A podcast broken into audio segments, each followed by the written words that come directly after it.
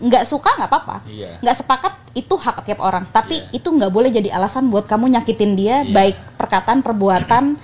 Bahkan dalam pikiran pun juga nggak boleh. Jadi aku tidak menyangsikan nilai agamamu atau valuemu tapi saat kamu nggak suka sama orang itu bukan berarti kamu bisa ngatain orang atau nyakitin orang. Terus nangis gua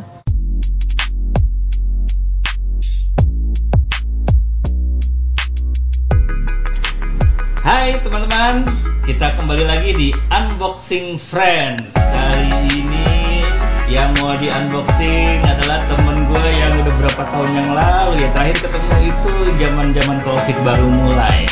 Ayu Oktariani. Yo. halo semua apa nih sobat unboxing Nggak tahu sebutannya apa, teman-teman kayak apa gitu. oke oke Ya, ini eh, kalau teman-teman ngelihat kok kayaknya gue happy banget ya emang happy ya. Kita terakhir ketemu itu gue inget gue Doni Catur eh, itu mampir ke Cozy Kopi ya. ya di Bandung Kopi. di rumah Itu masih ada. masih dong Dan itu eh, di awal-awal pandemi ya. eh Di tahun pertama Iya. pandemi lah. Comeback itu. stronger. Karena itu gue ingat ketika tes itu tes eh, apa tuh kalau covid covid Mhm. hasilnya reaktif sama tidak reaktif. Heeh. Kalau selanjutnya kan bukan itu ya kalau nggak salah hasilnya ya. Oh, bukannya di sini kalau tes. Sebelumnya ini itu itu masih zaman Oh, iya? Ambil darah. Wah, aku belum pernah soalnya Nah, yang itu ngambil darah. Belum belum segini, Ah, belum belum cowok. iya, iya. Ya, berarti itu kan Oh. tahun-tahun awal covid Iya, iya, gitu. iya, iya. Covid baru mulai belum belum belum ngetren band, Iya, iya, band iya. covid. Masih awal-awal ya. Iya, itu eh, kita ketemu dan baru 2001 lah nggak betul. Dua tahun kemudian. Hmm. Dan itu juga sebelumnya kita udah bertahun-tahun nggak ketemu ya. Iya, lumayan. Lo inget nggak pertama kali kenal gua kapan? Em, tahunnya lupa ya. Eh, momennya aja momen momen. Tapi momennya adalah pada saat eh, akhirnya kita memutuskan untuk bicara tentang eh, apa namanya eh, social media teknologi untuk konteks HIV. HIV. Gitu iya. karena selama ini kita cuman mainnya sendirian nih orang-orang Hmm. kantor karena punya interest itu gitu. Hmm. Terus sayang kayaknya kalau nggak disebarkan ke teman-teman yang lain. Nah, Iya. itu harus belajar sama gurunya gitu. Akhirnya mainlah ke Assalamualaikum, Watch. City Watch. Masih di kantor yang lama. Nah, ah, pertama kali itu sebenarnya sama Mas Doni, sama Mas Mbak Doni. Sita. Iya, Mbak Sita dan Mas Doni Gitu. itu. Dari situlah akhirnya kenalah sama orang-orang antik ya. Gua tuh taunya dulu IAC. ya, betul, Indonesia AIDS Coalition. Indonesia Oda berhak sehat. Coalition. Oda berhak sehat. Oh iya itu dia. Oda berhak sehat. sehat dulu. Sehat dulu. Eh, yang akhirnya kita bikin film Lini Masa ya. Lini masa, Lini lini masa satu, satu. itu Ayu teman-teman bisa cari di YouTube tuh Lini Masa satu. Wah, Ayu ada di situ tuh ya tentang Tapi bentuknya nggak kayak gini, mungkin nggak kenalin. Oh iya ya. Berarti kan kita sehat. Oh, iya, Masih betul. bertahan sampai Masih sekarang. bertahan. Masih hidup betul. Masih hidup. gitu. Ya itu loh, tahun berapa tuh? Lini masa satu. 2000 Lini Masa satu kayaknya 2010 Ya, masih sama deh. Om Ono ya. 2010 deh kalau nggak salah. Atau 2009 ya? 2000 kalau nggak 2009 2010. 11. 11 ya? 11 ya. Nah, Oke, itulah. kalau nggak salah lah. Ya, Nanti itulah. kita coba lihat ya. Tahun-tahun belum ada TikTok, Belum. ya, Instagram, nggak tahu deh. Pokoknya Kita Twitter banget anaknya. Twitter, hanya Twitter tempat kita berjuang dulu Iya. ya untuk menyampaikan eh, misi-misi dari mas apa organisasi kita Betul betul. masing-masing gitu. Dan perjuangannya masih asik kok itu. Twitter tuh masih asik. Emang Twitter yang jadi Nah, ini nih nih. Takut banget aku sekarang sama orang-orang di Twitter. Takut diserang. iya ya, kayak sekarang makin makin ganas ya.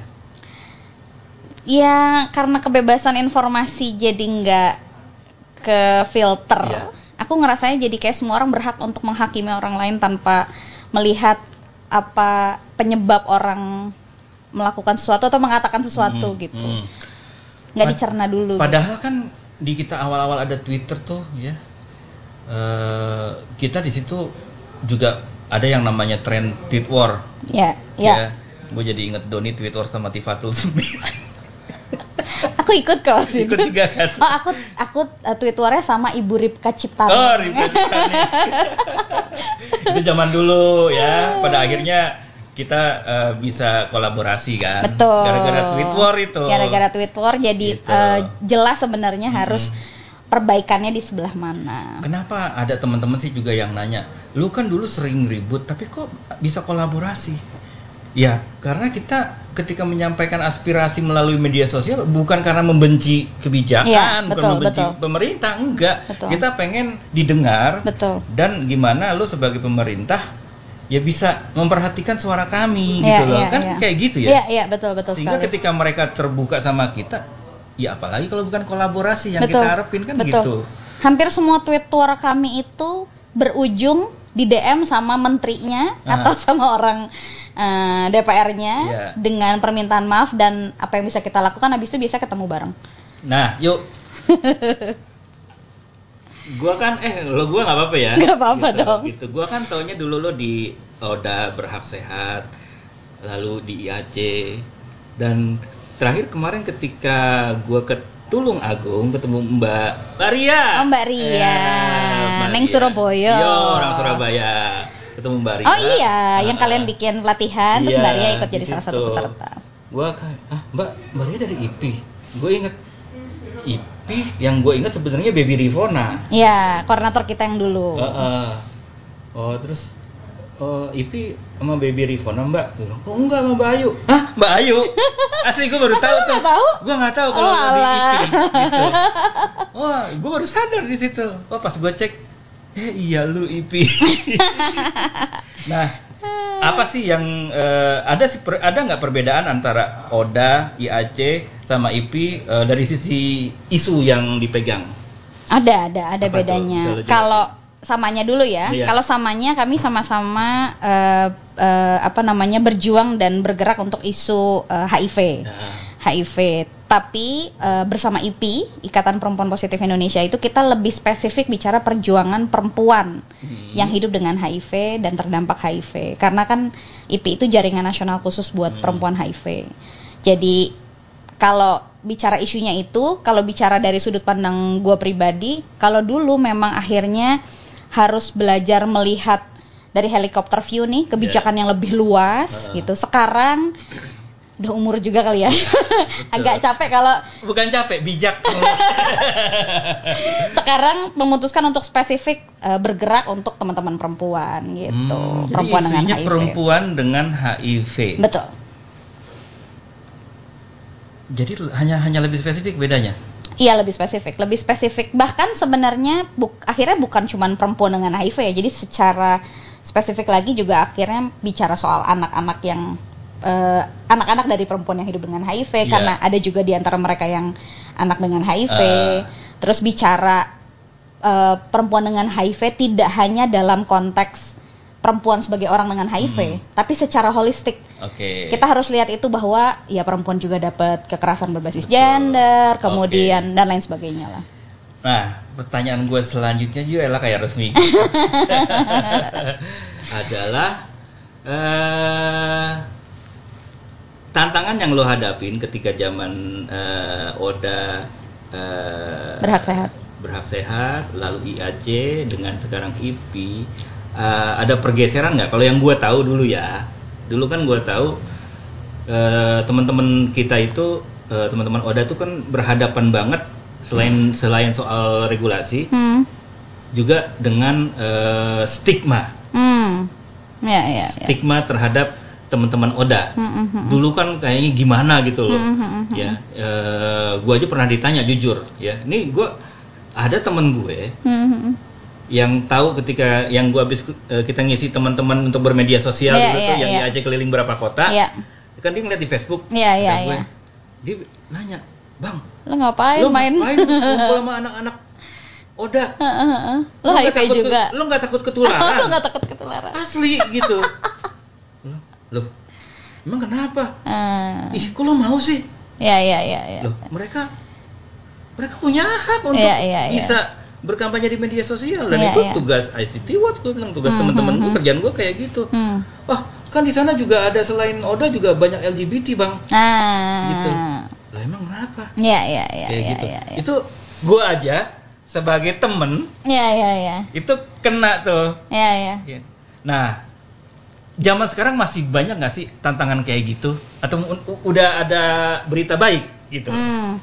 Kalau bicara tantangan isunya sebenarnya nggak terlalu berubah ya. Heeh. Eh, diskriminasi soal isu HIV itu sendiri masih Hmm. ada meskipun sudah jauh lebih baik karena kalau dulu kan kita kerjanya sendirian nih. Iya. Kayak cuman kita-kita doang nih yang ngomongin soal HIV di sosial Heeh. media, di Twitter. Iya. Sekarang semua orang ngomongin dan Oh. platformnya makin banyak. Betul, betul, betul. Eh, TikTok, terus Reels, Hmm. terus ya semualah you name it lah.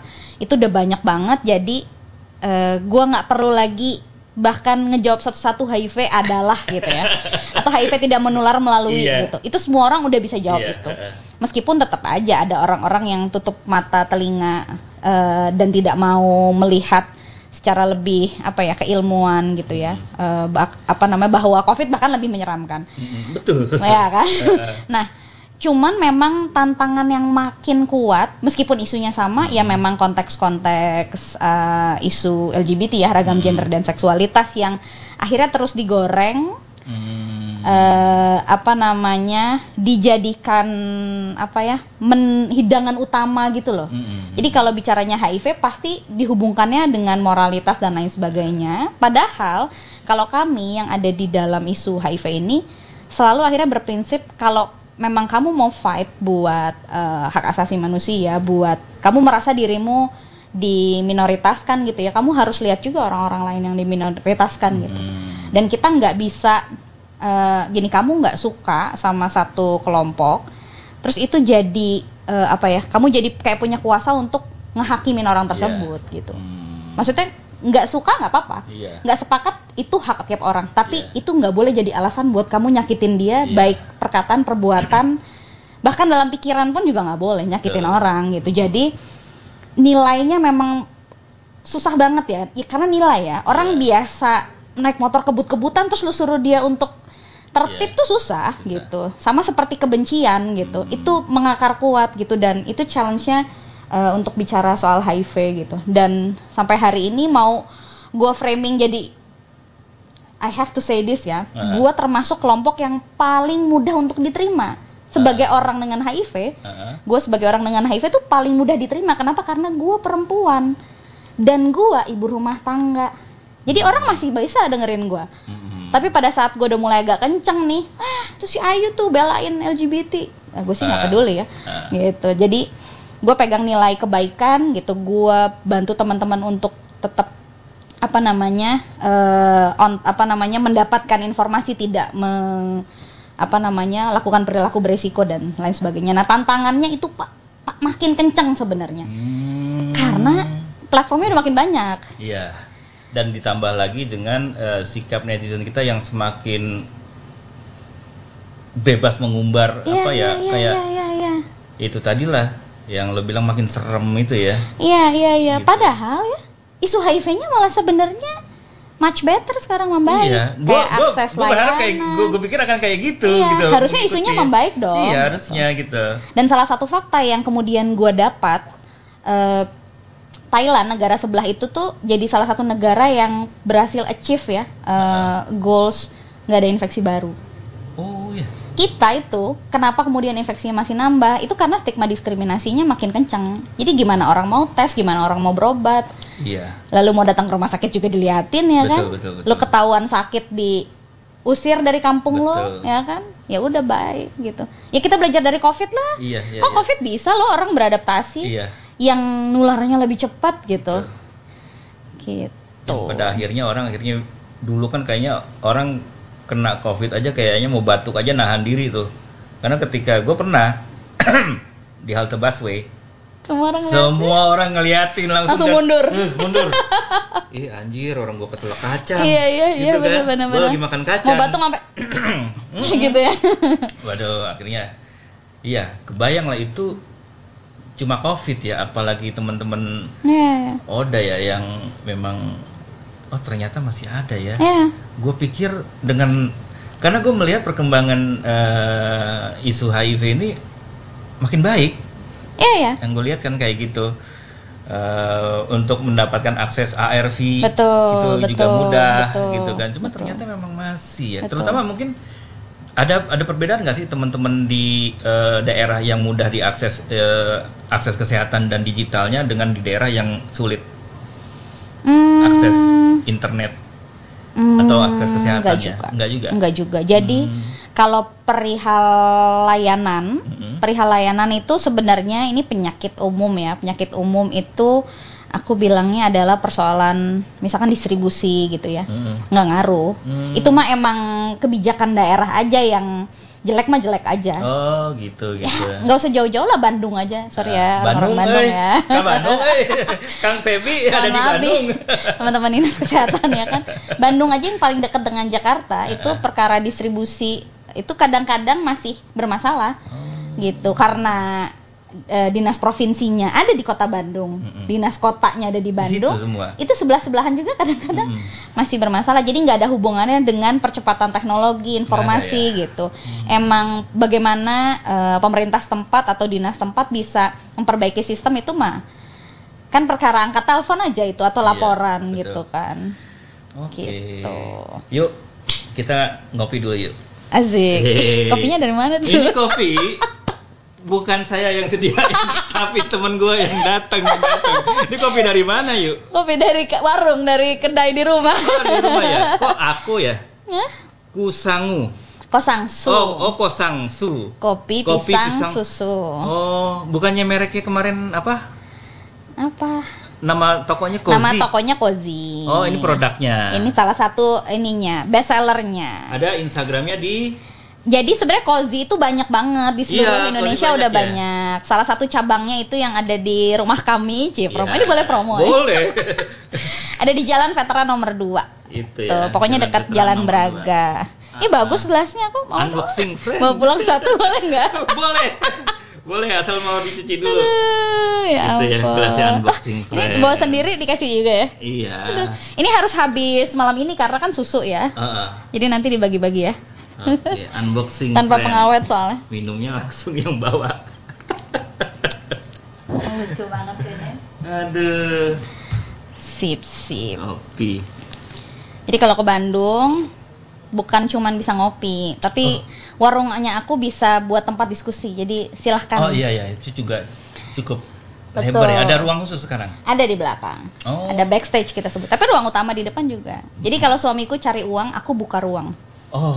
Nah, iya. Bagus ya rimanya ya. Cari uang. Suamiku cari uang, aku buka ruang. Ah. Gitu. Soalnya kalau ada anakku menyebarkan uang. habisin duit. habisin duit. Soalnya kadang-kadang Mas, kalau Hmm. teman-teman, ini aku sebutnya teman-teman ini aja deh, teman-teman yang memang baru tahu status HIV gitu ya. Iya. Mau ngobrol, mau curhat, kalau di warung orang kan jajannya bisa berkali-kali tuh kasihan kan. Ah. Terus dia misalkan mau nangis atau mau mukanya nggak enak gitu Hmm. karena perasaan yang nggak nyaman tuh kan diliatin orang. Hmm. Kalau di warungku barista semua sudah diajarin Oh. bahwa bikin kopi yang enak, senyum, apa yang terjadi di sini tuh none of our business Iya. gitu. gitu. Biarkan Jadi, aja dengan Kalau kita betul, kalau kita punya nilai simpan aja. Mm-mm. Fokus kamu di sini lagi jadi barista yang the best. Gitu. Ih, keren banget Yu, Jadi itu. mau datang teman-teman bebancian, Ah, lucu-lucu, iya. berekspresi nggak apa-apa. Itu kan hak orang lain, kan nggak ganggu kita. Tapi eh, yang keganggu pikiran lo aja. anak-anak gitu. barista lo eh, bisa tuh lo ajarin kayak gitu. Alhamdulillahnya bisa, Hmm. gitu. Nggak ada yang punya nilai yang sangat tegas gitu. Ah, akhirnya dia keluar gitu. Enggak. Enggak. Aku tahu banget ada orang-orang yang sangat homofobik pada saat aku ngomong, Hmm. terus mereka ya juga ya mbak, iya.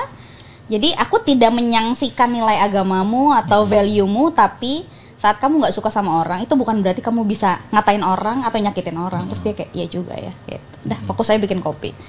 Tuh. Iya sih. Tapi akhirnya mereka jadi belajar bahwa semua orang yang hadir dengan semua identitasnya dan ekspresinya, ya baik-baik aja, nggak ganggu. Betul. Dia Iya cuma kan? punya tem dia cuma butuh tempat buat ngobrol. Iya, pengen ngopi, doang.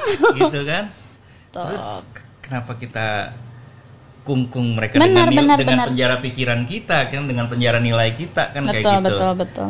Kita harus bisa ini sih harus bisa eh, bebas atau merdeka dari penjara pikiran sih kalau menurut gue. Ya, ya.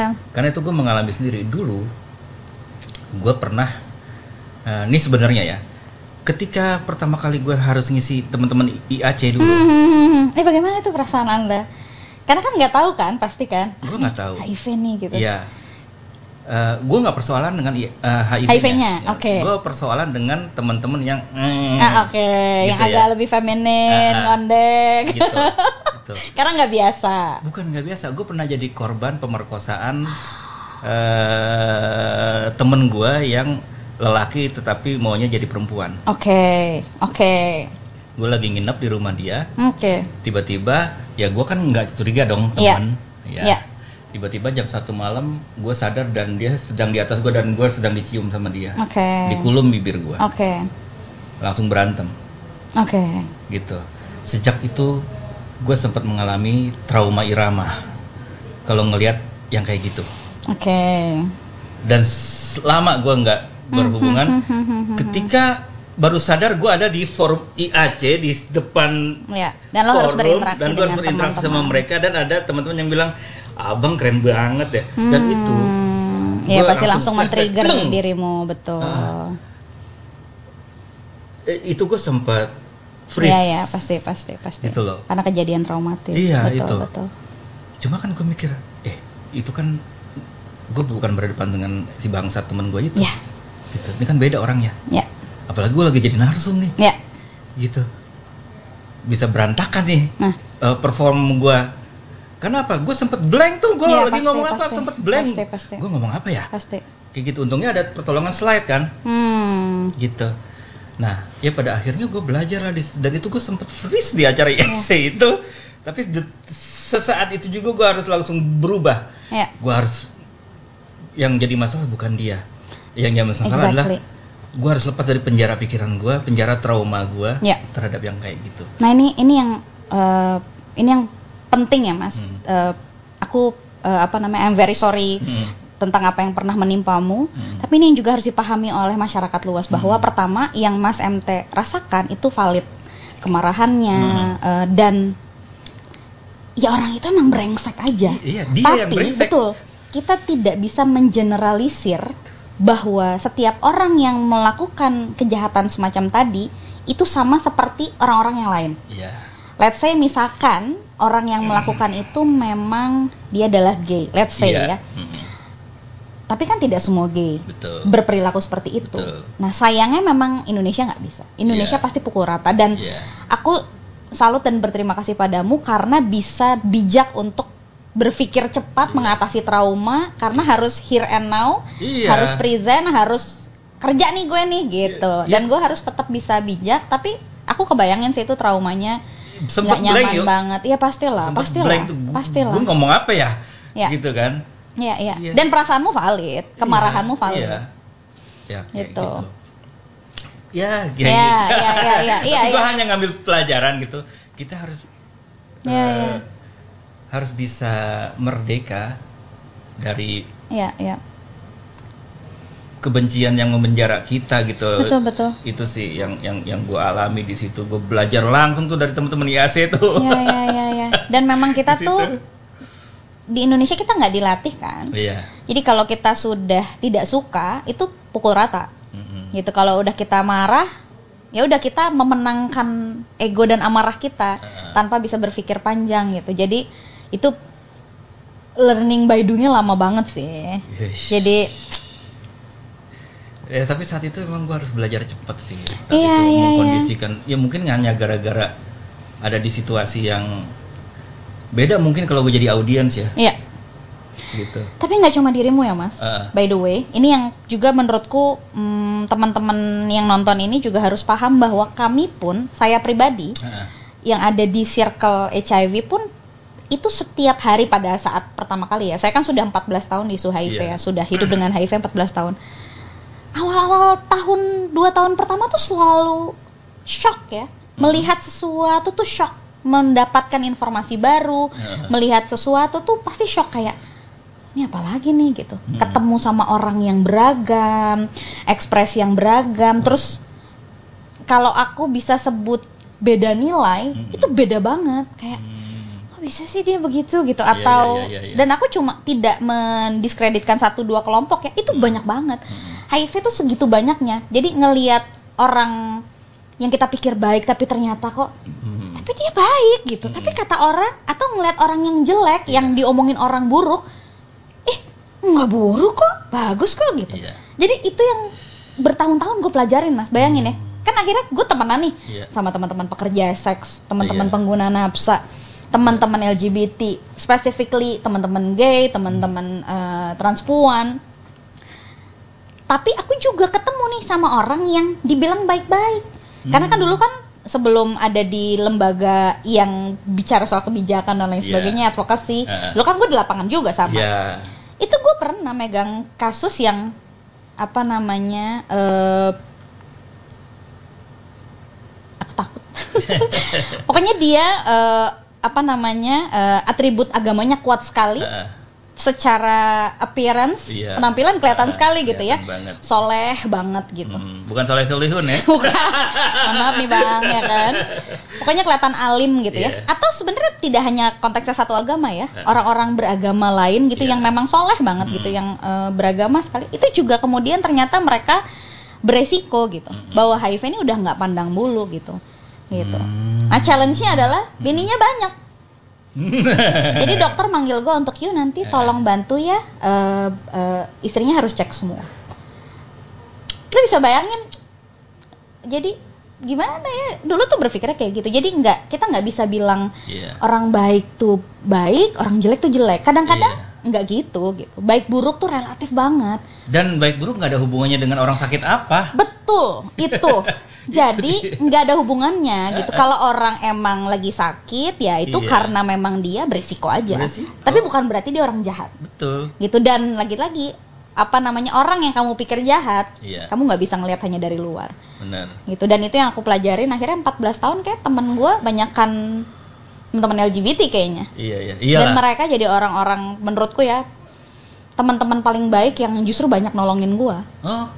iya dalam susah dan senang ya Uh-uh. pada saat anak gue meninggal pada saat gue kena bencana gitu ibaratnya yuk lu butuh apa itu justru teman-teman yang ya. iya gitu bukan berarti juga kemudian teman-teman gue yang enggak Iya. ada di circle HIV nggak baik ya Iya, tapi uh, ternyata kita ya itu. membuktikan bahwa Persepsi gua salah. Persepsi orang terhadap teman-teman LGBT itu kan buruk ya ya. ya ya Eh enggak bos, Betul, betul, mereka betul. orang juga, Mm-mm, gitu kan? mm-mm.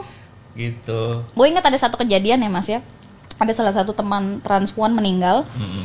lalu kemudian dia tidak dia sebatang kara ya cuman tinggal sama ibunya dan mereka orang miskin sekali. Itu yang ada di pikiran kita gimana caranya dia bisa kita tolong supaya pemakamannya selesai. Terus kita konfirmasi sama ibunya bu ini kita makamkan secara apa? Eh, laki-laki aja boleh? Oke kita hargai Mm-mm. eh, keinginan keluarganya. Hmm, karena kan kita nggak dapat last wish Betul. juga kan? Dah Heeh. itu satu. Terus ini gimana ya? Oke cari ambulans. Yang nolongin ya udah teman-teman di lapangan yang kayak gitu-gitu. Iya. sampai pas mau masukin ke liang lahat kan nggak ada keluarga ya? Iya. tahu nggak yang gendong siapa? Teman-teman jangki pengguna nafsa yang tahu nggak? Masih pada pedau-pedau gitu. Eh, lu bisa azan nggak? Iya. bisa deh tapi lagi mabuk ini nggak apa-apa nggak apa-apa.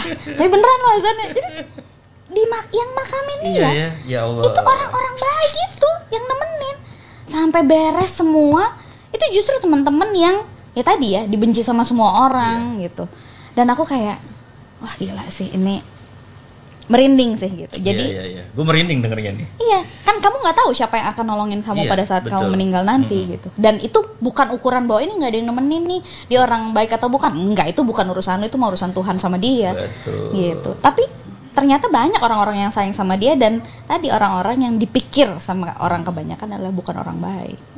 Iya, masyarakat kita ini udah terbiasa apa ya ngebacotnya itu nggak nggak ngotak gitu loh. Kayak contoh lah kejadian sedih kemarin tuh eh, anak yang overweight itu loh Iya. meninggal kan. Eh gua tuh kaget ya. Ada netizen yang komen ah ini anak sakitnya aja nyusahin orang. Itu nggak punya hati kali Iya. ya. Emang dia nyusahin kamu? Makanya lu cuma Kenapa ngetik- kamu komentar? Kamu tuh Astaga. cuma Dan nonton. itu banyak ternyata nggak cuma Iya. satu. Iya. Gua, gua emang hobi ngebacain komen-komen orang sih di, di beberapa kasus viral gitu. Mas.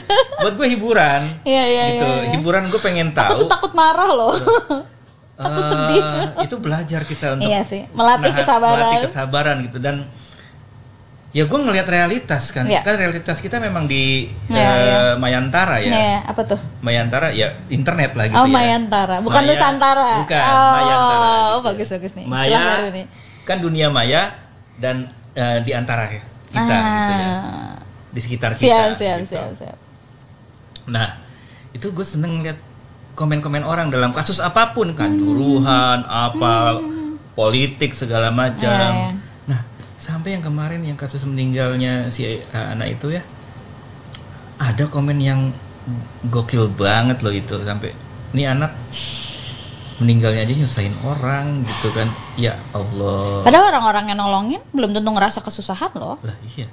Sok Betul. tahu deh kamu. Makanya aduh itu netizen Makanya wajar ya Microsoft tuh sempat bilang eh, netizen Indonesia itu paling tidak sopan se Asia Tenggara. Iya loh. Eh, i- Dia itu- bisa aduh aduh aduh aduh aduh. Jadi yang menariknya ya netizen Indonesia antara bisa ngejatuhin dan ngehancurin dengan cepat Iya. atau akhirnya digunakan untuk naikin pamor dengan cepat. betul itu dan dan juga Tinggal pernah, bikin konten soal Indonesia aja. pernah gue juga bikin konten yang gue bilang netizen kita tuh lebih hebat daripada bin loh. loh kasus Alun Triambodo itu Iya iya iya yang iya. ngungkap semuanya netizen loh itu. Ya. Apa? Eh, Yang biasanya ini Rubicon, eh, nggak biasanya apa hashtagnya eh, apa Twitter please your help gitu Iya, gitu. betul. Please uh, do it your magic. Eh, eh, ah iya iya Nah, iya gitu. iya iya iya. Itu netizen kita Iya, sih. iya, Ya iya. ya plus minus lah ya. Kita nggak Iya, iya. kita ngomong kayak gini bukan berarti netizen gua nggak sepenuhnya selalu sepakat. bilang jelek, Nggak sepenuhnya sepakat dengan betul. pernyataannya Microsoft. Mm. Eh, Microsoft itu kan eh, bilang spesifiknya yang dianggap nggak sopan tuh karena pertama yang nyebarin hoax, Betul betul. yang eh, sara, Betul, yang melakukan betul. diskriminasi, Betul. yang kayak gitu. Tapi untuk good things juga banyak banget dan Banyak kita sudah banget. ngebuktiin banyak hal ya Mas ya. Aduh, banyak banget tuh. Gua eh, tahu tentang kampanye HIV aja, gua taunya dari eh, Ayu nih, yang waktu itu masih zaman Oda tadi kan. Iya, masih Oda Itu Berat dari ya. Twitter. Betul betul. Tek, tek, tek, tek, Oda apa nih? Terus Iya, ada iya. apa Blood Blood for Life for ID. Life ID Ha-ha. dulu-dulu gitu kan. Ih, itu gokil koin untuk Prita. Betul betul betul. Ih, itu zaman-zaman dulu anak-anak sekarang mungkin nggak tahu ya koin untuk Prita apa ya gitu ya. Kalau dulu sama kalau another HIV issue tuh teman-teman rumah Cumara. Hmm, hmm, Ya, hmm. bikin apa mereka hashtag seribu Cemara. untuk satu buat ngumpulin duit biar Mm-mm. bisa main bola di Homeless World Cup. Oh iya itu juga keren banget. Itu gokil loh itu sampai Iya loh. main bolanya tuh gua sempet lihat tuh rumah cemara tuh. Sampai akhirnya dibantuin sama Kick Andy kan Iya. karena vibes Heeh. gitu. Kalau nggak salah orangnya Feby deh yang gua kenal. Kenal nggak lo? Kayaknya gue kawinin habis itu. itu gue ketemunya di Twitter loh Oh iya? sama dia. Oh gitu. Bener-bener. Jadi kalau ada sinetron Eh. apa namanya ternyata Hmm. suamiku adalah teman tweetworku. Tapi sebelumnya tweet sama Feby. enggak dong. Gitu. Feb, ngomong nih, Enggak. sorry Kang gitu kan. Gua jadi Enggak. ngomongin Feby Aduh, gitu. Itu sama-sama campaign, Ah. Sama-sama campaign, Hmm. terus kita support, terus eh, kok kocak ya orangnya di Twitter gitu. Ah. Kan dia dari dulu sampai sekarang konsisten. Kalau nggak ngomongin bola, jokes bapak-bapak. Jadi dulu kan belum ada istilahnya jokes Betul, bapak-bapak. Itu sudah dilakukan Ah. sama dia. Oh. Gitu. Jadi itu membuat saya kayak, hmm. Pasti dia dari bapak jok bapak-bapak ya. Bukan bapak-bapak. Bapaks bapaks. bapak-bapak pakai CK. Gitu. bapak-bapak. Kang Feby sehat terus ya lo.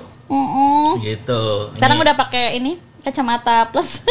Oh ya. sudah akhirnya sudah Oh, accept juga, ya. sudah accept dan ya ini kayak gini Ya, nih ini gue juga kalau gue apa? Ini apa? Progresif. progresif Gitu. Cuma Iya, ya iya, kadang-kadang gue suka pegel, gue lepas terus iya aja. iya iya Dan kalau gue lebih parah sih. sama apa tuh Kalau Kang Feby kan pakai kacamata, baru pakai kacamata plus. Kalau gue sering lupa kacamata gue mana ya. Padahal yang nyangkut di sini. ada di sini harusnya taruh dekat handphone jadi bisa di miss call Iya ya, betul. Ah, betul. bener, jadi kalau hilang udah pasti deket handphone Oke, yuk. ah gimana mas Eh, kita kan tadi udah ngomongin eh, isu-isu tentang eh, gimana perjuangan lu eh, di isu SIP ya. Gue tuh juga sempat menggemar menjadi penggemar lu takut dalam hal dalam hal mandala. Oh alah, ya Allah. Ih, gue seneng banget loh. Cuman gue nggak pernah order aja. ya ampun. Gitu. Jadi Anda memperhatikan. Ah, itu gue Gimana, tuh gimana? bikinnya buat gue ya, buat gue tuh Ya, ya. rumit gitu loh. Iya rumit. Buat gue orang yang bikin puzzle aja itu rumit dan gue nggak suka dengan kerumitan itu. Oh, Tetapi gue menikmati hasilnya Iya, iya, iya, dan gue iya, menikmati iya, prosesnya. iya, iya, Gue suka nonton eh, di medsos itu yang proses-proses orang bikin apa, bikin apa Iya, iya, iya, kayak gitu. iya, iya, iya. Dan salah satu yang gue suka adalah ketika lo rajin mengupload mandala. lo sejak kapan melakukan itu dan kenapa itu akhirnya menjadi tempat lo mungkin sebagai entah itu katarsis entah apa Iya gitu. iya iya iya ya Allah Ceritain aku nggak nyangka aku nggak nyangka loh ditanyain ini. Oh ya. Aduh gimana ya nyeritainnya ya? Ya kan Hmm. eh, kita temen. Iya iya gitu. iya iya. Ini kita masih lama nggak? Bebas. Biasanya satu ini semester jelasin. Iya, oh gitu. Nggak ada yang bercanda. Oke jadi eh gimana ya? Jadi gini, Tunggu tunggu tunggu. Iya. Sebelumnya lo mengira gua akan ber- bertanya tentang apa? ya HIV aja sampai habis. Oh. Enggak lah, Enggak gue ya? ngeliat lo nggak di situ doang gitu loh. Oh, terima kasih lo loh. Wow, aku tersanjung loh. Hmm, gitu. Iya iya iya. Oke oke oke. Jadi eh gimana ya? Jadi gini. eh Mandala itu sebenarnya menurutku akhirnya jadi salah satu bagian perjalanan hidup yang tidak terduga. Mhm, Kayak gue nggak pernah ngerencanain itu sama sekali mhm. gitu. Aku tidak punya background eh, apa namanya eh, belajar menggambar secara Hmm. spesifik, Mhm. baik di universitas maupun les-les nggak ada. Mhm. Meskipun dari kecil senang banget ngedudel-dudel nyoret-nyoret Iya. gitu. Nah, jadi bisa mandala tuh tiba-tiba mas. Woi, Iya. nah ini eh, buat yang nonton ya, ini agak cocok logi nih Iya. ceritanya nih. Kalau gue taunya mandala, pertama kali gue tahu, gue dua hal yang gue tahu tentang Oke. mandala. Pertama adalah pendekar ada di komik. Oh my god. Namanya mandala. Zaman komik gue SD dulu tuh mandala. Iya, gua pernah denger tuh. Yang kedua itu adalah eh, spiritual, Ah. spiritualitas yang gue dapatkan dari sebuah eh, karya musik dari Kitaro di Jepang Ah, aku dia ada, itu. ada ada ada ada ada satu lagu dia yang judulnya Mandala. Hmm, oke Gitu. oke. Nanti coba aku kasih linknya. Aku jadi Iya, pengen denger. Kitaro. Dan gue sangat menikmati musik itu dan membuat gue tenang. Nah, I see. Gitu. Iya, iya, iya, iya, iya. Nah, Mandala yang lebih buat itu apa? Iya, jadi jadi itu tahun 2016 kayaknya Iya, iya, ya. segituan tuh. Gue hamil Heeh. dengan semua perencanaan, persiapan karena gue HIV positif Iya, ya, harus ha. disiapin. Tapi ternyata kehamilan gue itu secara psikologis tuh nggak bagus buat gue. Hmm. Aku mental breakdance Hmm, ya. hmm, iya. Jumpalitan weh rasanya nggak enak aja selama kehamilan. Jadi enam minggu pertama tuh chaos aja, bener-bener Hmm. apa namanya nggak bagus secara eh, apa namanya psikologis. Eh, jadi entah gimana waktu itu di perjalanan aku nge apa ya nge- ngegambar aja Ya, gitu, eh, ngeruntel ngeruntel oret-oret, ngeruntel ah, nah, ah. karena selalu bawa buku dan alat Iya. tulis gitu.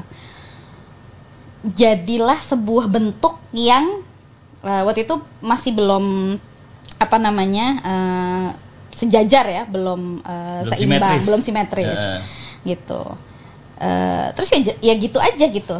Cuman itu di gambarnya di mobil. Jadi kita lagi mau ke Hmm, bengkel, terus aku gambar, terus aku bilang, kok rasanya gua enakan ya, hati gue enakan ya. Aku Ketika bilang melakukan proses ketika itu? menggambar gitu, bilang sama Heeh, Feby. heeh. Oh ya udah, beli aja ini alat gambar yang proper Hmm. supaya lu bisa gambar yang Hmm. benar. Waktu itu belum tahu namanya mandala. Hmm.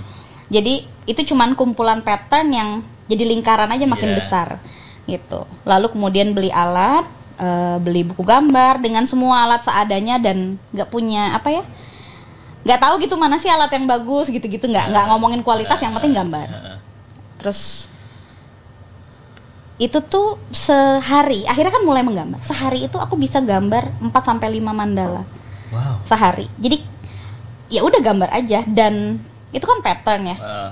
Yang tidak pernah aku pelajari sama sekali tapi itu kayak muncul aja gitu udah tahu nih habis ini layernya ini apa apa apa sampai dia jadi itu selalu passionnya adalah bergerak dan kondisiku jauh lebih baik mentally psychologically eh, nggak muntah-muntah, nggak moody gitu ya. Jadi lebih bisa beradaptasi sama orang dan eh ya udah kayak apa ya? Aku bilangnya kayak kesirap gitu lah. Ya udah teret gerak aja gitu. Nah, singkat cerita eh, menggambar sampai melahirkan, terus kemudian eh, Tuhan berencana lain, Mhm. eh, anak yang kulahirkan tidak selamat, Mm-mm. bukan tidak selamat ya, tidak bisa bertahan Iya. hidup karena paru-parunya tidak berkembang. Mm.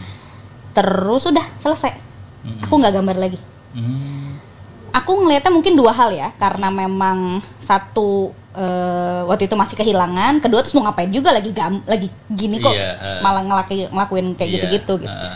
Udah aja selesai, lalu ketemulah sama seorang kawan. Mm-mm. Ada kawanku yang memang dia eh, anaknya memang agak lucu ya, dia eh, hobinya perzodiakan ceritanya. Mm-mm. Dia itu eh, lagi ngundang teman-teman seniman untuk eh, merespon eh, apa namanya bacaan zodiak. Jadi judul dia punya apa ya semacam eh, showcase tapi eh, showcase eh, di internet ya, Mhm. bukan pameran langsung. Eh, teman eh, zodiak bercerita, eh, eh, seniman bertindak gitulah. Iya. Nah waktu itu dia datang ke aku, dia minta aku untuk gambar mandala untuk Taurus, zodiak Taurus. Terus aku bilang, Mm-mm. gua kan Libra, kenapa gua gambar Taurus? Iya. Terus dia bilang, yuk mandala tuh Taurus banget. Oh gitu. dia Menurut bilang, dia. menurut dia, mandala tuh Taurus banget kata dia. Mm-mm. Aku nggak ngerti lah waktu itu. Oke lah gitu. Jadi aku gambar waktu itu mandala dan nggak lingkaran ya. Aku Hmm. bikin kepala eh, apa namanya simbolnya si Taurus, ya. Eh, Taurus lah yang kayak kambing. gitu, mah gitu ya. Nah, masuk. Nah, bikin. Nah, output dari si uh, project temanku itu tuh ada ada uh, ada podcast, ada karyaku, Heeh. lalu ada artikel soal prosesnya. Nah, dia juga riset akhirnya. Di situlah kemudian aku tahu bahwa mandala tuh bukan sembarang aktivitas. Wah, itu itu pada saat gue dengerin itu mas nangis gue Itu ma- magis loh itu. karena Heeh. dia cerita bahwa eh, asalnya mandala itu adalah di Tibet, Iya, betul. di Tibet dan mereka yang bikin mandala itu bukan orang sembarangan.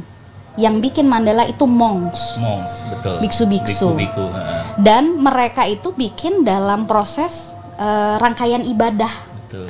Jadi mereka naik gunung, mereka pecah batu, dihancurin jadi pak jadi eh, apa namanya pasir, lalu diwarna dengan warna natural, terus mereka bikin pakai tangan, bukan pakai ta- pulpen kayak gue ya, pakai tangan, dan diameternya tuh nggak nggak 15 cm, 2 meter, 3 meter dan kayak satu hole gitu dia Iya. bisa bikin 12 biji. Kayak mural gitu Exactly. juga ya. Selesai bikin dan itu berundak ya.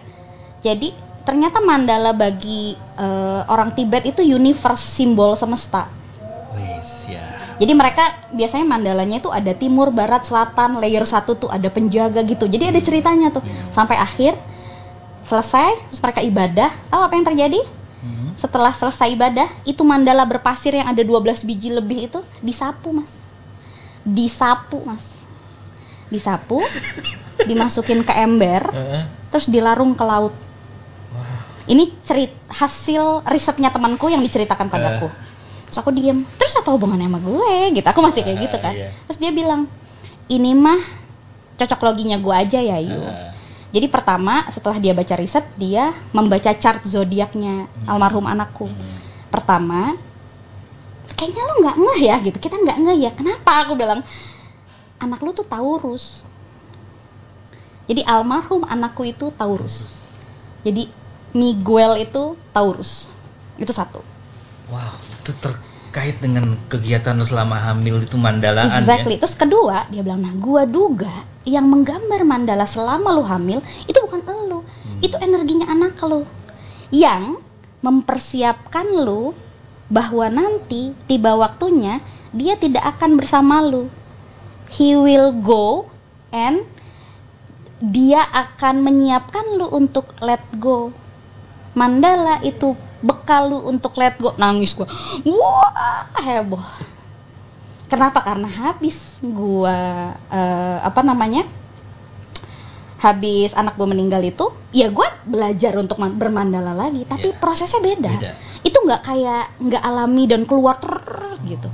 Wah tuh gokil mas, gokil banget. Sampai akhirnya eh, ya ada singkat cerita ada ada banyak fase kemudian aku akhirnya berangkat ke psikolog dan segala macam karena kan memang setelah anak meninggal itu eh, ada banyak pukulan mental dan eh, belakangan akhirnya aku ketahu tahu bahwa aku ada, eh, kena PTSD post traumatic syndrome disorder Mhm. dan itu tidak disadari sama sekali.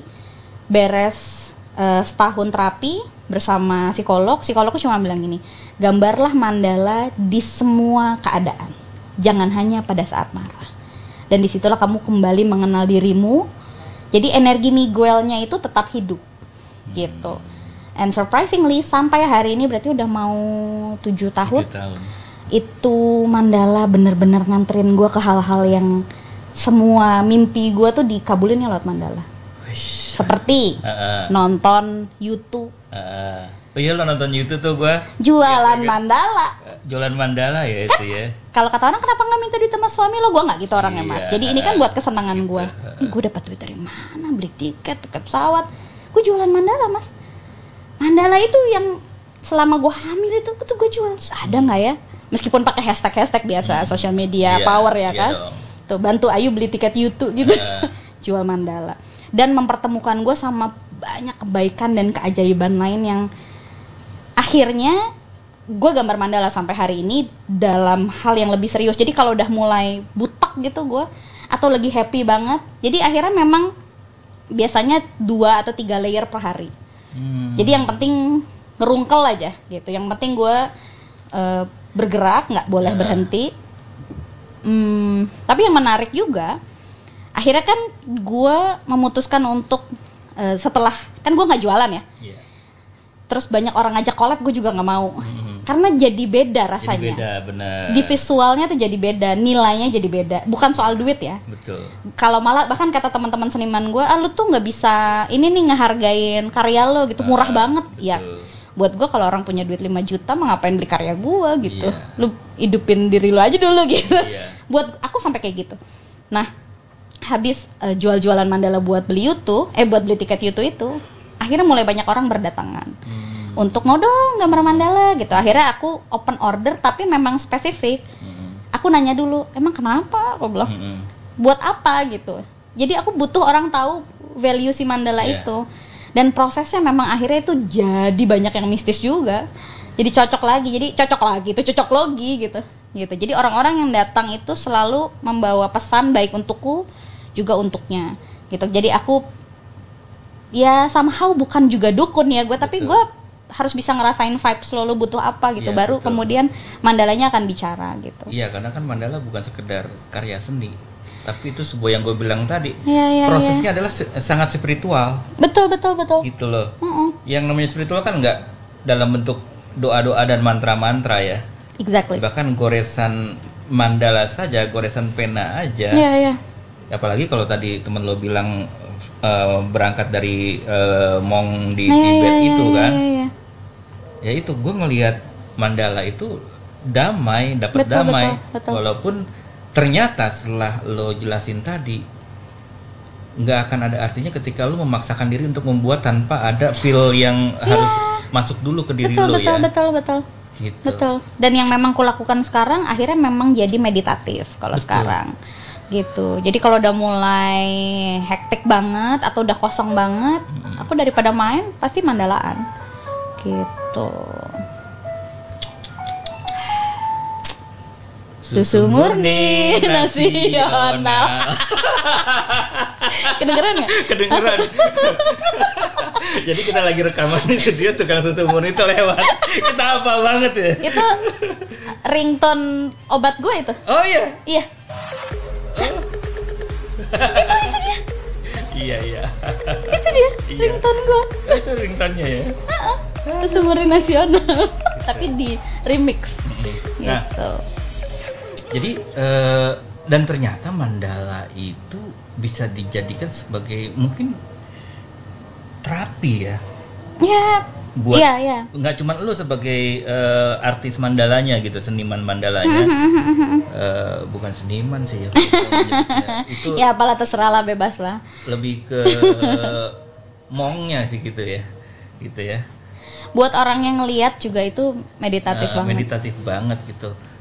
Satu hal yang rumit tapi kok dilihatnya damai gitu gue ketika lihat mandala-mandala di scrollingnya Ayu gue bilang gue selalu terngiang lagu eh, Om Mani Padme Hum itu Om Mani Padme Hum itu eh, mantra Buddhis Ah, Gitu. I see, I see, Iya. I see, I see, I see.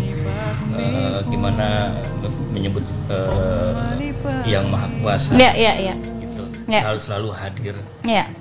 ketika dia hadir semua masalah selesai Iya, iya, iya. gitu Ada beberapa mandala yang mm, hanya bisa dikerjakan di waktu-waktu tertentu, Hmm. tergantung rasanya. Hmm.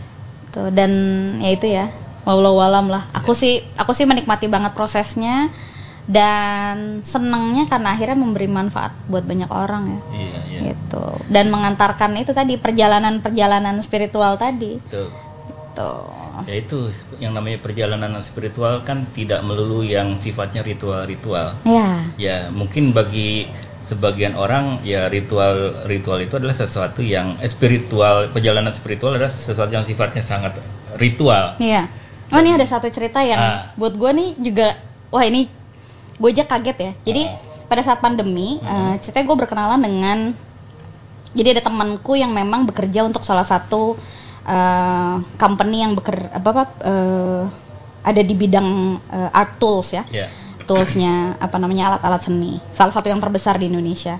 Lalu mereka sedang mencari eh, seniman-seniman yang tidak populer. Artinya bukan yang followernya banyak Ya, yang namanya eh, besar yang secara akademik Iya. dia disebut seniman tapi lebih punya value nah lalu dipilihlah dipilihlah gua gitu Mm-mm. gue bilang ya tapi follower gue tuh bahkan seribu aja belum Iya. di IG gitu ya Heeh. ah enggak enggak si apa owner nggak ngeliat itu Heeh. Tuh, lalu kita dikasih artus, dikasih, diajak berkarya bersama, sampai akhirnya kita ketemu lah. Eh, bapak mau ketemu tuh pengen ngobrol gitu. Mm-mm. Jadi gue datang lah ke pabriknya, ketemu sama dia, terus dia tanya persis seperti lo, "Lu Mm-mm. kok bisa sih gambar mandala ceritanya gimana? Jadi gue ceritakan lah semua. And then si Pak owner itu menangis, menitikan air mata, Mm. bukan menangis deras ya, Iya, menitikan uh. air mata, terus dia langsung kayak, lo tau nggak? Tadi tuh gue eh ceritakan sama lo, gue baru bikin produk, dia bilang Mm-mm. gitu wah ini gila sih dia ngomong gitu. Mm-mm. Kenapa pak gitu? Jadi dia bikin kuas. Kuasnya itu bulu kuasnya itu tidak menggunakan bulu hewan. Jadi Mm-mm. kebanyakan kuas kan menggunakan bulu musang. Mm-mm. Jadi ini cruelty cruelty free dia bilang gitu. Jadi eh, tidak menyakiti Iya, animal. binatang, animal Terus udah gitu kuas gua ini itu namanya adalah nama anak gua. Heeh. Terus dia teriak, Heeh. lo tahu nama anak gua siapa? Dia teriak Miguel dipanggil. Jadi nama anaknya Miguel. Jadi pas dia datang gue yang diem, terus dia keluarin tuh kuasnya. Ya si bapak dalam hati gue mati dah gue dah, ah patah-patah gue. Itu gue berusaha untuk bernafas dan tidak menangis kan ya. Akhirnya gue menitikan air mata juga. Kayak women to met dia bilang Iya. itu. Kita harusnya memang ketemu. Miguel lah yang mempertemukan kita. Kan gak ada yang Iya, nyangka anaknya dia betul. namanya sama anak Iya. gue sama kan. Gitu. Jadi pada saat dia cerita itu gue kayak ya itu another story lah. Banyak banget sebenarnya cerita sepanjang tujuh tahun itu yang sampai hari ini gue nggak habis pikir sih. Iya, tuh. Dan kalau lagi-lagi menurut temanku adalah yaitu energi anak ini terlalu besar sampai dia tidak bisa hidup sebagai manusia tapi dia hadir tetap dalam hidup lu dalam bentuk mandala. Itu lo ya. Ya ya ya. Lo bisa eh, mendapatkan sebuah ruang yang sangat pribadi sekali dengan mandala Mm-mm. yang akhirnya eh, sangat mempengaruhi eh, kehidupan lo berikutnya. Ya. Yang ya mungkin lo nggak akan meninggalkan itu gitu kan.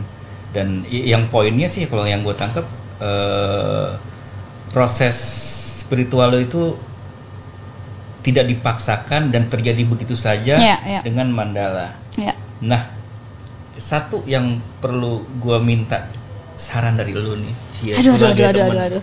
apa nih apa nih, apa nih? banyak teman-teman kita yang stres ya gue juga Ah, stresan ah, kan ah, orangnya ah, gitu ah, kan ah. apalagi kalau bikin konten yang suka Apa? ngaco-ngaco ketawa-ketawa itu sebenarnya gue lagi stres gitu kan kadang-kadang suka bikin konten ketawa sama Acep Ventura gitu kan itu sebenarnya pelampiasan biar fresh lagi aja sit down gitu. komedi ya Nah, kayak gitu. nah, eh, belajar dari pengalaman lo itu eh, apa sih yang bisa lo sampaikan ke teman-teman lo di Hmm, circle lo hmm, aja hmm, yang ngalamin stres yang ngalamin depresi hmm, eh, berdasarkan pengalaman lo dengan mandala itu. Apa yang mau lo pesen ke teman-teman lo Hmm. Sebagai sebuah pelepasan emosi, pelepasan marah, pelepasan stres, terutama buat gue sih. Hmm, nomor satu, lu harus memvalidasi perasaan lu. Hmm. Jadi apa pun yang muncul itu valid ya. Kayak nggak boleh lu lawan sebenarnya. Oh gitu. Iyalah, kan itu dikasih sama Tuhan. Marah Oh, lu, iya. sedih lu. Ah, oh You iya. have to be grateful. Ah, ah, Oke oke. Sama seperti pada saat gua depresi, hmm, apa namanya, yang tidak gue sadari itu ya, Mhm. pasca anak gue meninggal, itu gua ada tiga bulan gua nggak mau ngelakuin apa pun, bahkan sholat. Mm-mm. Lalu laki gua marah, Mm-mm. gue bilang gue lagi marah, Mm-mm. termasuk sama Tuhan. Ini nggak boleh diikutin, tapi Iya. kemudian gue bilang gini, Pak, perasaan marahku nih yang bikin Tuhan. Aku lagi pakai, berarti aku masih percaya sama dia. Kalau lu melarang gua marah, berarti lu nggak nggak lu tidak mengakui bahwa Tuhan menciptakan rasa marah. Tambah marah laki gue cabut. Iya. Maaf ya saya. pernah pernah gelok gue kayak Iya gitu. iya. Ah, Jadi nomor satu lu harus validasi. Gitu ya. Jadi jangan dilawan. Kenapa? Karena semakin lo lawan, sepengalamanku yang juga bersama dengan teman-teman yang juga punya banyak persoalan dengan eh, stresnya, gue nggak bisa bilang juga kesehatan mental lah terlalu berat gitu, Iya. stresnya atau depresinya, lelahnya, burnt outnya, ah. itu kan dilawan terus. Hmm. Yang ada udah bukan cuman mental, fisiknya hancur karena dilawan kan, nggak apa-apa, gue nggak apa-apa gitu. Ah. Jadi pertama lu harus kasih ruang buat semua emosi lo, bukan mengelola ya. Ini Iya, belum tahapan belum, mengelola. Masih hanya validasi. Iya, iya, gue marah, Oke. iya gue sedih gitu, iya gue kecewa gitu. Mm-mm. Kenapa? Karena dengan kita mengakui perasaan kita itu, hmm, dia nggak nyerang balik, ngerti gak sih? Kayak kalau menurut gue jadi dia jadi lebih tenang, marahnya tenang. Hmm. Karena akhirnya, oh, gue diakuin nih, gue diterima sama si empunya tubuh. Iya. Ini kalau pengalaman gue Ah, pribadi. ah, ah. Jadi kalau gue udah mulai ngaco nih, ah. udah mulai marah, Mm-mm. itu biasanya gua akan duduk jadi gua ini teknik yang Iya. gue pelajari dari Betul. psikolog gue ya gue meditasi gue masuk ke ruang marah gue gue marahnya di dalam Oh. Ya gitu deh pokoknya pokoknya Mm-mm. gue biasanya akan menutup mata terus gue Hmm. masuk ke dalam diri gue Hmm. tuh gue beneran marah-marah ah. jadi gue menganjing-anjingi Iya, ah, betul. bah- diri gue ataupun apa pun keadaan yang Iya. bikin gue marah tapi di dalam Mm-mm. sampai rasanya lebih enak biasanya yang belum bisa di dalam itu gue nangis Mm-mm. kalau gue lagi sedih banget itu biasanya gue minta waktu Mm-mm. untungnya orang kantor sama orang rumah udah kooperatif tuh Mm-mm. jadi kalau udah mulai kusut gue cuma bilang ini gue mau ke kamar dulu ya. Dengan muka yang udah gak kabaran oke Iya. anak gue oke. Jadi gue masuk kamar terus gue nangis kedengeran. Wah gitu tutupin pakai bantal. Iya, Dan circle udah paham. ya termasuk di kantor. Iya. dan nggak ada yang tapi udahannya enak banget. Jadi memang harus kasih ruang. Itu nomor satu. Nomor dua menurutku yang juga paling penting adalah jadi gini kan kadang-kadang kita tuh self diagnose ya. Iya. apalagi di Di Twitter, TikTok. di TikTok itu banyak tanda-tanda ADHD Iya, itu tuh tuh. lu lihat satu itu Eh. muncul terus tuh kan Hmm. jadi afirmasi wah iya nih gue ADHD itu nggak boleh Hmm. jangan pernah self diagnose Mm-mm. jangan pernah self diagnose, jangan pernah self meditate. Gak boleh ngobatin sendiri, nggak boleh ngediagnosa sendiri. Ah, Paling enggak konsultasikan dengan expert. Menurutku Oke. wajib untuk tadi ya datang ke profesional. Iya. Jadi kalau lo depresi terus lo ke psikolog tuh bukan aib. Dulu gue ngerasa itu aib. Iya, iya. Ya kan, aduh, gue gila dong gitu. Wah, sakit dong gue. Itu dulu pikiran gue gitu mas. Sampai gejala itu timbul. Lo tau gak kenapa gue akhirnya ke psikolog? Ah, ah. Karena gue mulai merasa aneh. Hmm. Lo bayangin ya, gue kan kerjaan gue apa sosialisasi HIV segala Hmm. macem di hotel tempatnya enak. Lo masuk ruang hotel nih, buka pintu hotel, itu ruangan hotel tuh baunya bau ruang operasi mas. Wow. Dinginnya dingin ruang Dingin operasi, ruang- bau obat. Gue tutup dong pintu, gue lari ke kamar mandi, cuci muka. Apaan nih? Dan itu terus muncul tuh. Satu. Terus gue baru sadar bahwa gue selama beberapa tahun itu tidurnya duduk. Gue nggak berani tiduran Hmm. karena gue takut gue takut karena terakhir gue tiduran terus gue bangun anak gue meninggal Mm-mm. Takut gue ternyata. Jadi itu baru kelihatan baru kebaca. Lalu gue kontak teman gue yang sudah biasa ke psikolog terus dia cuma ngomong yuk lo ke psikolog deh. Nggak apa-apa. Check in aja istilahnya dia check in aja. Nanti Hmm. kalau lo nggak nyaman lo boleh cabut. Karena kan cocok-cocokan. Mm-mm. wah edan sih. Tapi emang itu deal kesepakatan sama diri sendiri. Iya iya. jadi pada saat gue memutuskan untuk ke psikolog di situlah kemudian gue ngerasa kayak ada loh orang yang bisa mendengarkan cerita gue perasaan gue pengalaman gue dengan valid. Nggak pakai tapi. Dia nggak ngehakimin gue malah dia membantu gue untuk nggak ada yang dihapus loh mas. Nggak ada yang di erase nggak ada yang dibuang. Hmm. dibantu di filing ini ditaruh di sini. Ini akan muncul lagi yuk. Tapi nanti pada saat muncul lu bertindaknya menyikapinya seperti apa. Psikolog tuh membantu kita filing. Hmm. Memprioritaskan emosi mana yang harus kita gunakan saat ini pada saat itu muncul triknya seperti apa. Seeking professional help is not a sin bukan dosa. Sama aja kayak lu cek gula darah bro. Deg-degan. Eh, eh, iya. pas tahu. Oh, Gue udah tekan gara-gara jarumnya sih. jadi cari profesional. Kan ada anggapan gini yuk. Misalkan gue lah ya, hmm, gue pengen ke psikolog. Hmm. Gitu. Ini mungkin bukan cuman gue yang ngalamin kayak gini iya, ya. iya. Yang pertama, gue nggak kenal sama dia. ya Terus ngapain gue cerita? ya Dia nggak kenal kalau gue lagi marah bener kayak gimana. ya Dia nggak kenal kalau gue lagi sedih itu Iya. kayak gimana. Terus kenapa gue harus cerita sama dia? ya Dia siapa? Dia bisa apa? ya Lo ngalamin kayak gitu dulu nggak? iya banget Terus kenapa lo bisa lepas? lalu teman kan gue ngobrol sama temen gue dulu kan. Temen Hmm. gue ngomong ini ya lu sama aja ngapain lu ke dokter?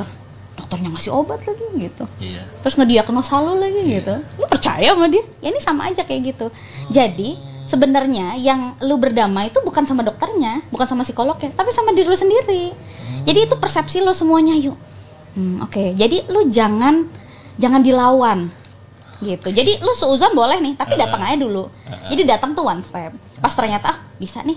Itu another step. Jadi pelan pelan aja. Jadi kalau ada istilah apa ya hmm, one day at a time ini bahkan lu lu pendekin lagi. Per dua jam lu bisa accept nggak sama hidup lo sama perubahan yang terjadi pada saat lu ke psikolog. Itu yang gue adepin Hmm. jadi pada saat ketemu dia terus dia memperkenalkan diri itu gue masih seuzon tuh. Iya. masih apaan sih nih orang?" gitu kayak Iya, masih iya, gitu. iya. Gue pasti juga akan begitu. Iya, sampai akhirnya setiap gua ngomong dia mengucapkan terima kasih. Eh, baik juga nih orang gitu. Oh gitu. iya. Oh. Jadi emang cocok-cocokan. Tapi ada juga mungkin yang Uh-uh. mungkin lu nggak nyaman. Ah, ah. Sampai kemudian kita bikin apa tuh namanya eh, kontrak eh, ketemu kan Uh, tiap minggu kan. Gue iya. ketemu tiap minggu. Dan waktu itu kan gua itu akhirnya memang ada general check up-nya Hmm. dan lain sebagainya. Dicek kadar stresnya, di EKG dan segala Hmm. macem. Karena bahkan mendengar cerita soal hidup gue sendiri aja gue nggak kuat gitu kan, Uh. gitu. Sampai di titik kemudian tadi, oh, kok, kok- jadi setiap habis gue cerita gue kayak, eh, bisa lu cerita sama dia. Gue ngomong sama diri sendiri. Ya. Gue kan tipikal yang suka ngomong sama Iya. diri sendiri kan. Itu bisa. Coba besok lebih terbuka lagi gitu. Terus kalau gue nggak nyaman, gue akan ngomong, ibu saya sebenarnya nggak nyaman. Oh. Iya nggak apa-apa Mbak Ayu. Tarik nafas dulu. Kira-kira yang Mbak Ayu nyaman boleh diceritakan yang tidak tidak usah. Oh gue makin cerita. Mm-mm. Kenapa? Karena dia nggak maksa gue. Mm-mm. Gitu. Jadi memang akhirnya menurutku itu jadi dua arah ya. Pada saat lu memberikan kesempatan pada diri lu, lu percaya itu suasananya akan terbangun. Tapi kalau lu lawan terus, gua rasa sampai habis juga nggak bakal enak. Iya iya betul gitu. ya. Kalau gua nomor dua yang gue pikirin waktu itu cuma duit. Ah, mahal Berapa nih. nih? Iya. gitu ya. Tapi sejujurnya worth it. Gitu ya. Itu menurut gue itu sangat layak untuk gue perjuangkan. Kenapa? Karena akhirnya gue bisa berdamai sama diri gue. Gue nggak bilang sembuh ya. Karena kan trigger itu tetap ada. betul. Trigger itu tetap ada. Tapi gue sekarang tahu gimana caranya berhadapan dengan trigger. Trigger. Atau bahkan mempersiapkan diri. Gue tahu gue akan berhadapan. Kan trigger ada yang tiba-tiba, wah. Mhm. Ada yang gue tahu nih, gue akan ketemu siapa atau gue akan Nah, nah itu tuh tuh. Gue denger apa ya misalkan musik Iya. terus ada kata satu kata aja ah. kata lagunya tulus aja lagunya Iya, tulus apa sih uh-uh. yang bikin lo nangis ya Iya. ah, ah. itu dulu nggak bisa. Uh, kesenggol lagu tulus udah. Oh. bisa nggak makan, bisa diem, bisa lo ya. ngahuleng gitu. Heeh. Semua yang berhubungan sama mencintai diri, Iya. keluarga itu konsep-konsep apa motherhood ah, hancur gitu. Akhirnya bisa berdamai. Cari pertolongan. Mm-mm. Yang ketiga, Mm-mm. ini juga menurut gue penting ya. Lu harus set up 911 ala lu gitu. Jika terjadi sesuatu pada diri kita, gitu, ya ada orang yang memang bener-bener bisa membantu. untuk kita kontak langsung Betul. di kondisi betul, darurat ya. betul. Tuh. Dan kalau gue pribadi punya agreement, Mm-mm. kayak misalkan eh, ada sahabat gue, gue panggilnya Neng ya, Mm-mm. Neng, ya Neng, lagi oke nggak? Mm-mm. Five minutes, gitu. Hmm. Jadi dia menyiapkan diri. Untuk dengerin lu. Iya, karena kalau dia lagi nggak oke, gue nggak boleh masuk. Dan di situ gue juga accept. Berarti gue harus ke 911 gue nomor 2 Oh iya. Tapi kan agreement dulu. Lo mau nggak jadi 911-nya gue? Wah, itu gua nggak pernah kepikiran tuh. Iya. Step ketiga ini nih. Tuh, termasuk salah satunya adalah akhirnya aku percaya suamiku jadi 911 gue. Hmm. Gitu. Dan itu biasanya jadi akhirnya kan dilatih kan kayak Iya. gue cuman perlu didengar. Atau lu bisa nggak kasih gue advice itu dari awal kita harus bantu direct karena kalau nggak kasihan dianya kasihan kitanya karena ekspektasi Iya. kita tidak dipenuhi kan Betul, betul. gue pengen direspon nih kok dia diem aja ternyata dia lagi nggak baik-baik aja siap. Heeh. bahkan Betul. untuk yang bukan 911 ini ini catatan penting dalam berkomunikasi Iya. ya kalau lu pengen cerita sama orang lu tanya dia lagi baik-baik aja nggak itu penting banget gitu ya. misalkan mas gue wa lu gitu Mm-mm. lagi di mana gitu lagi di rumah nih gitu Mm-mm. lagi oke nggak gue pengen cerita deh Mm-mm. wah gue dan lu harus bisa bilang kalau gue Hmm. nggak bisa eh Iya, jadi masalah orang itu bukan dosa lu iya. Nggak boleh jadi beban lo lu boleh bilang nggak sorry ya Oke, oke. ini gue baru banget balik Iya. gue udah dua minggu nggak pulang-pulang misalkan lu boleh Iya. cerita sorry ya gitu kalau lo masih bisa oke besok pagi yuk teleponan Iya, iya. gitu jadi lu harus bisa bilang tidak bisa bantu orang atau bisa bantu Betul. orang lu sebagai diri sendiri yang butuh juga harus bisa dengan legowo nanya dan pada akhirnya kalau dapat penolakan nggak apa-apa tuh yang terakhir ada satu lagi Apa tuh? jangan gantungkan kebahagiaan lu pada orang lain Oke. sedih lu nasib lu bahagia lu tuh ada di lu Iya, karena kalau orangnya nggak ada hancur dong betul. ah hidupku adalah anakku nggak bisa coy kalau anak lu tiba-tiba ke Amerika sukses jadi presiden gitu terus sendirian Iya. hancur nggak bisa Benar. jadi tadi. Bahagia berbahagialah atas semua upaya-upaya hidup dan achievement yang tadi. Cuman ya Iya. achievement per dua jam itu. Nggak usah achievementnya udah nggak jangan one day. One day itu berat juga. Gitu. Lu bisa bertahan dua jam dari sekarang tuh. Gitu. Ya, tadi yang pertama memvalidasi, kedua kita harus cari tempat orang untuk pertolongan ke orang yang benar Profesional. expert, profesional. Yang ketiga adalah eh, 911 terdekat. yang sangat terdekat. Yang keempat adalah eh, apa? Kita harus tidak bergantung terhadap siapa pun, ya. Mm-mm. Oh, Oke banget ya. dan itu susah semua ya Susah anyway semua, ya iya, susah nggak- semua kebanyakan yang jadi 911 tuh buat orang sekarang itu medsos, iya oh justru itu gitu ya. kamu tahu nggak kenapa oh aku nggak tahu aku belum cerita ya aku tuh kan di apa IG tuh ada apa ya? eh ada close friend Mm-mm. aku nggak punya close friend Oh nggak punya. kalau gua nggak mau cerita gua nggak akan cerita Hmm. ngapain membebani itu pada orang-orang yang Hmm. masuk kepada close friend lo emang close friend lo mau denger Iya juga ya. Sama seperti lu. emang lo pernah konfirmasi Sama harus mem- harus mengkonfirmasi dulu bahwa dia Ya. siap jadi Ya, close friend untuk exactly. untuk siap jadi Betul, 911 kita gitu betul. ya. even di sosmed emang lo pikir enak denger orang sumpah Hmm. serapah kalau gua kan ada orang sumpah serapah gua accept nih oh Hmm. tapi kalau gua udah mulai enak gua mute Hmm. dan itu kan fungsinya sosial media betul, betul. jadi disediain kok mute juga. gue sadar betul ah suatu hari kalau gue akan bikin close friend gue akan konfirmasi sama dia bahwa halo aku mau bikin close friend nih gue berencana untuk seperti itu tapi gue belum belum kepikiran karena Tapi benar juga loh yuk itu benar harus minta konfirmasi dulu. ya iyalah Kita nggak main apalagi masuk- masukin aja. bisa jadi itu rahasia. jadi close friend. Emang gue merasa close sama lu. bisa jadi itu rahasia-rahasia terbesar dalam hidupnya dan lu melihat iya. Ih, lu pikir kita baik-baik aja denger padahal sebenarnya kan tahu-tahu ada screenshot Iya. disebarkan. Wow. Janganlah. Gitu. Jadi kalau emang nggak mau diceritain nggak usah. Mm-mm. Gitu. Tulis aja di diary. Iya ya. Kalau masih punya di- diary. Kalau nggak blok, tapi nggak usah dikasih tahu sama orang-orang. Iya, blog blog pakai ini private. Ember. Mm-mm. Kalau zaman dulu diary, diary itu menolong banget sih buat gue. betul betul. Itu novel pertama gue itu adalah eh, konversi dari diary.